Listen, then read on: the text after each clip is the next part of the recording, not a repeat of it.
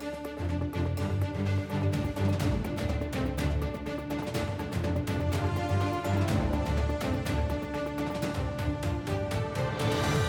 Welkom bij de allereerste uitzending van DVO Nieuws. Vanaf vandaag brengen we elke maand verslag uit over het reilen en zeilen van de Vlaamse economie. Zo is dat, eh, Ellen. En net zoals we dat doen bij de krant en de website van DVO, de Vlaamse ondernemer, zullen we met deze nieuwsuitzending verslag uitbrengen van verschillende sectoren. Of het nu gaat over IT, de financiële wereld, logistiek, fleet, over start-ups of scale-ups. Ellen, het komt allemaal aan bod. Klopt, en een van die start-ups is Solution. Het bedrijf uit Sint Maartenslatum ontwikkelde een technologie die alle apparaten en systemen van een zeeschip met elkaar verbindt. Die permanente data-uitwisseling verhoogt onder meer de efficiëntie aan boord. Solution haalde onlangs 1,3 miljoen euro op. Onder meer Vlao, het Vlaamse agentschap voor innoveren en ondernemen, investeert mee in de ontwikkeling en productie van deze Internet of Things technologie. Sebastian Hamers is een van de drie medeoprichters van de Gentse start-up Solution. Als voormalig maritiem officier op grote containerschepen ontwikkelde hij een Internet of Things oplossing die alle apparaten en systemen van een zeeschip met elkaar verbindt. Is concurrentie op de markt die een mesh-netwerk gebruikt. Dus dat is eigenlijk een soort van wifi-versterker, eh, waardoor dat signaal eigenlijk steeds minder sterk en betrouwbaar wordt. Wij gaan de kabels die al op het schip aanwezig zijn gaan gebruiken om zo eigenlijk een heel betrouwbaar, robuust netwerk te creëren. De permanente data-uitwisseling zorgt voor een enorme efficiëntieslag aan boord. En dat was ook broodnodig, weet Hamers, uit eigen ervaring. Ik vaarde eigenlijk de wereld rond. Ik bracht uh, hoofdzakelijk uh, gele en groene kiwis naar België. En tijdens mijn periode aan boord uh, ben ik eigenlijk op een probleem gestoten dat er eigenlijk geen communicatie mogelijk is tussen verschillende ruimtes op het schip. Met heel wat problemen die zich daardoor voordeden. Zoals bijvoorbeeld ik die dagelijks allemaal containers moest gaan aflezen. Om te gaan bekijken wat die temperatuur nog oké was. Manuele tellers gaan aflezen om die dan op een papiertje te schrijven en dan in een logboek te schrijven dat dan daarna nooit meer bekeken wordt. Dit soort dingen zouden kunnen uitgesloten worden, omdat op, die, op onze manier eigenlijk sensoren worden aangesloten op die manuele tellers, dat dat automatisch uitgelezen wordt 24-7 en dat dan ook automatisch kan verwerkt worden in een logboek. Daarnaast speelt ook duurzaamheid een belangrijke rol, want aan de hand van de verzamelde informatie kan het schip op termijn varen met minder brandstof. Solution haalde nog maar net 1,3 miljoen euro vers kapitaal op. Geld dat later zal gebruikt worden voor het opstarten van het productieproces. We hebben natuurlijk het grote chiptekort uh, over heel de wereld. We hebben, ons, we hebben het geluk gehad, als ik dat mag zeggen, dat uh, het chiptekort al aanwezig was tijdens onze ontwikkeling. Dus we hebben daar op een bepaalde manier wel rekening mee kunnen houden. We leggen in groene retail-obligaties. Colruyt Groep maakt het voor het eerst mogelijk. Ze gaven de obligatie uit en al na één dag behalen ze het beoogde bedrag van 250 miljoen euro. Met de obligatie wil Colruyt Groep het brede publiek de kans geven om te participeren in duurzame projecten en een vast rendement aanbieden. Met de opbrengst van de groene retail-obligatie wil de groep inspanningen leveren rond hernieuwbare energie, circulair waterbeheer en duurzame gebouwen. Fastnet, het bedrijf dat snellaadinfrastructuur voor elektrische voertuigen ontwikkelt, heeft twee nieuwe snellaadstations geopend. Eentje in Frankrijk en eentje in het Verenigd Koninkrijk. Daarmee staat de teller nu op 250 operationele stations. Fastnet wil tegen 2030 een netwerk van 1000 laadstations op drukke locaties hebben. Het bedrijf is momenteel actief in een vijftal landen, waaronder Duitsland, Zwitserland en België. Ensis, een belangrijke speler op vlak van zonnepanelen, warmteboilers en laadpalen, heeft vorig jaar een mooie groeispurt gerealiseerd. Zo verdubbelde het aantal werknemers en ook het aantal klanten nam fors toe. Om die groei te kunnen ondersteunen is het Antwerps bedrijf gestart met de bouw van een nieuw magazijn. Na tien jaar te huren, braaf betaler te zijn, zijn we eindelijk in de mogelijkheid om een pand van onszelf uh, aan te schaffen. Daar zijn we zeer fier op. De eerste schub is in juni 2022 in de grond gegaan. Uh, midden, midden, midden 2023 zal dat pand klaar zijn en dat is echt eigendom van NC's. In Roeselare is het eerste Food Innovation Park geopend. Dat is een onderzoekscentrum rond voeding en gezondheid. Het park zal enerzijds focussen op gezonde voeding en anderzijds op nieuwe technieken die experimenten in de voedingsindustrie mogelijk moeten maken. Het Food Innovation Park is een initiatief van de POM West-Vlaanderen in samenwerking met de Vives Hogeschool en Flanders Food. En wat zullen al die experimenten opleveren? We vragen het aan onze studiogast Anne-Sophie Pinket. Welkom bij DVO Nieuws. U bent clustermanager voeding. Er zal wel wat geëxperimenteerd worden, maar wat zullen jullie concreet doen? Er zijn op vandaag drie grote functionaliteiten binnen Food Innovation Park. Een eerste is de FRED-hal of Food Research and Development Hall. Dat is een piloothal, uh, gericht op het bereiden, uh, maar ook gaan, uh, gaan regenereren, het gaan opwarmen, maar ook koelen van maaltijden en maaltijdcomponenten. En daar zijn een aantal pilots waar bedrijven, maar ook onderzoekscentra gebruik kunnen van maken. Er is een grootkeuken, een hypermoderne grootkeuken. En er is ook een industriële microgolf om de toepassingen van microgolftechnologie bijvoorbeeld in voedingsindustrie na te gaan.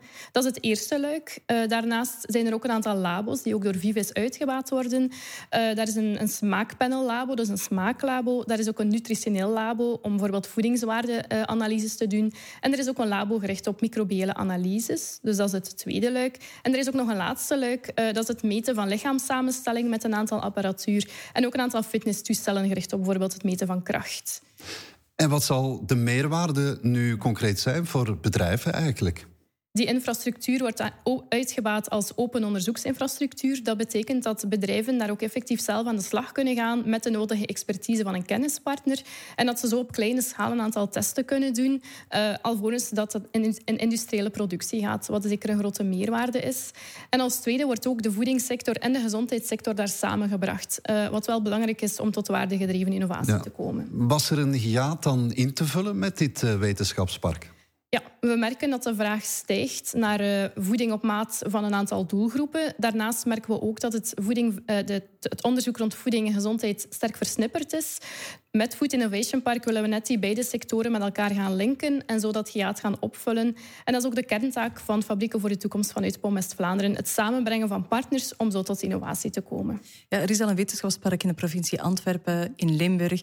Met dit wetenschapspark in de provincie West-Vlaanderen focussen jullie vooral op voeding.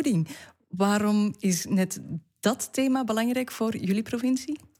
West-Vlaanderen is een heel rijke voedingssector. Zowel de primaire sector is sterk vertegenwoordigd, maar ook de verwerkende bedrijven zijn heel talrijk aanwezig. We zijn bijvoorbeeld uh, topspeler op vlak van diepvriesgroenten met onze provincie.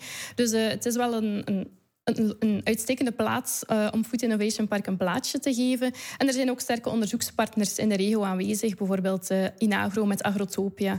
Dus uh, dat maakt het de plaats bij uitstek. Ja, zoals ik het hoor, dan is West-Vlaanderen echt wel de place to be. Bedankt voor uw komst naar de studio, mevrouw Pinket.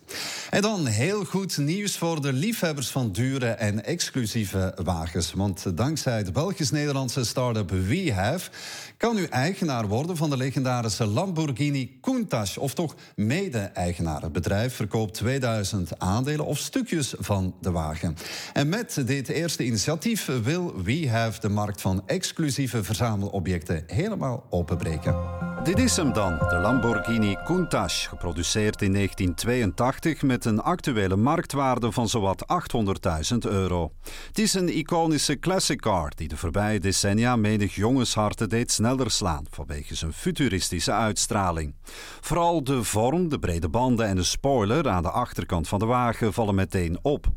De Belgisch-Nederlandse start-up WeHave lanceert nu het principe van mede-eigendom, waardoor het ook voor de kleine belegger mogelijk wordt om een stukje van een Lamborghini te bezitten. Wij gaan, uh, gaan zoeken naar de meest exclusieve auto's die er zijn. Later gaan dat ook andere items worden. Uh, wij gaan die stallen verzekeren, onderhouden. Wij gaan dan een soort crowdfund-campagne opstarten waar dat onze uh, gebruikers geld kunnen poelen voor die auto effectief aan te kopen. Want wij hebben een koopoptie genomen op die auto. Als dat geld verzameld is binnen de uh, voorziene tijdsperiode, dan wordt een auto verkocht automatisch aan de mensen die mee gecrowdfund hebben. Mee investeren kan al vanaf 400 euro. Zelf rijden met de bolide mag niet. Het is puur een beleggingsopportuniteit. Dus we hebben gemerkt dat de, ongeveer de laatste tien jaar gemiddeld 10 tot 15 procent per jaar stijgt. Wij gaan nooit garanderen dat dat zo blijft, maar wij zien nu al met de prijsstijgingen die erin zitten, wij hebben 800.000 euro genomen als waarde, maar er zijn er nu vorige maand al geveild voor 900.000 van hetzelfde type in uh, Parijs. Volgens WeHave kunnen exclusieve verzamelobjecten in economisch turbulente tijden net voor gemoedsrust zorgen bij de belegger. We hebben gemerkt de laatste twee jaar dat aandelen, cryptocurrencies uh, en goud allemaal gezakt zijn. Uh, dus misschien is een betere diversificatie, uh, ook in exclusieve items. waarom? Het laatste jaar zijn die als enige gestegen tegenover een andere markt die alleen maar gedaald is. In de toekomst wil Oliver Wolfs overigens niet alleen dure wagens aanbieden, maar ook exclusieve horloges, kunst en zelfs muziek. Het is hoe dan ook een vrij unieke aanpak in Europa. In Amerika daarentegen bestaat de formule van mede-eigendom al veel langer. Wij Europeanen hebben niet zo'n uh, donkerrood risicoprofiel als uh, de Amerikanen. Dus wij zijn veel gematigder, wij gaan veel meer opletten wat we met ons geld doen. En daarom denk ik dat de, de Europese burger minder snel in zoiets zal stappen. Daarom moeten wij heel veel vertrouwen opbouwen voordat wij effectief gaan kunnen verkopen. Vertrouwen is er ook bij Hisop. Het bedrijf begon als spin-off van de Universiteit Antwerpen en zet nu een volgende stap. Na een kapitaalronde van 5,3 miljoen euro trekken ze nu ook naar een nieuw kantoor. Hisop ontwikkelde een softwareoplossing die het rendement van verwarmingsinstallaties en airconditionings verhoogt. Zo zouden bedrijven tot 40% minder CO2 uitstoten en 30% minder energie verbruiken. De Belgische pionier heeft een succesvolle kapitaalronde achter de rug. En dat zorgt voor ambitieuze plannen. Zoals een verdubbeling van het personeel van 30 naar 60 medewerkers. Ruimte hebben ze alvast, want ze verhuizen naar een nieuw kantoor in Antwerpen. Veton, een start-up uit Aartselaar, lanceert de eerste Belgische designlaadpaal. Het bedrijf wil daarmee inspelen op de toenemende vraag naar slimme laadstations. En die vraag is fors toegenomen na de invoering van het capaciteitstarief. Veton, dat werd opgericht in 2020, verwacht 100 laadpalen per maand te installeren. De eerste projecten zijn al opgestart, niet alleen in eigen land, maar ook in Nederland en Spanje. We hebben een beetje van het begin geprobeerd om, om een duurzame insteek te hebben.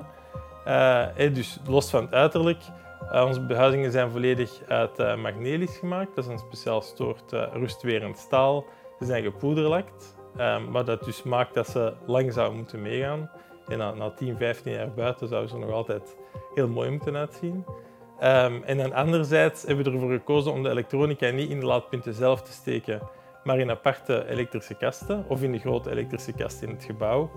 Uh, waardoor die componenten ook niet onderhevig zijn aan, aan koud en warmte en vocht. Um, maar dat is eigenlijk waardoor de meeste laadpunten nu, als ze stuk gaan, heeft het daarmee te maken.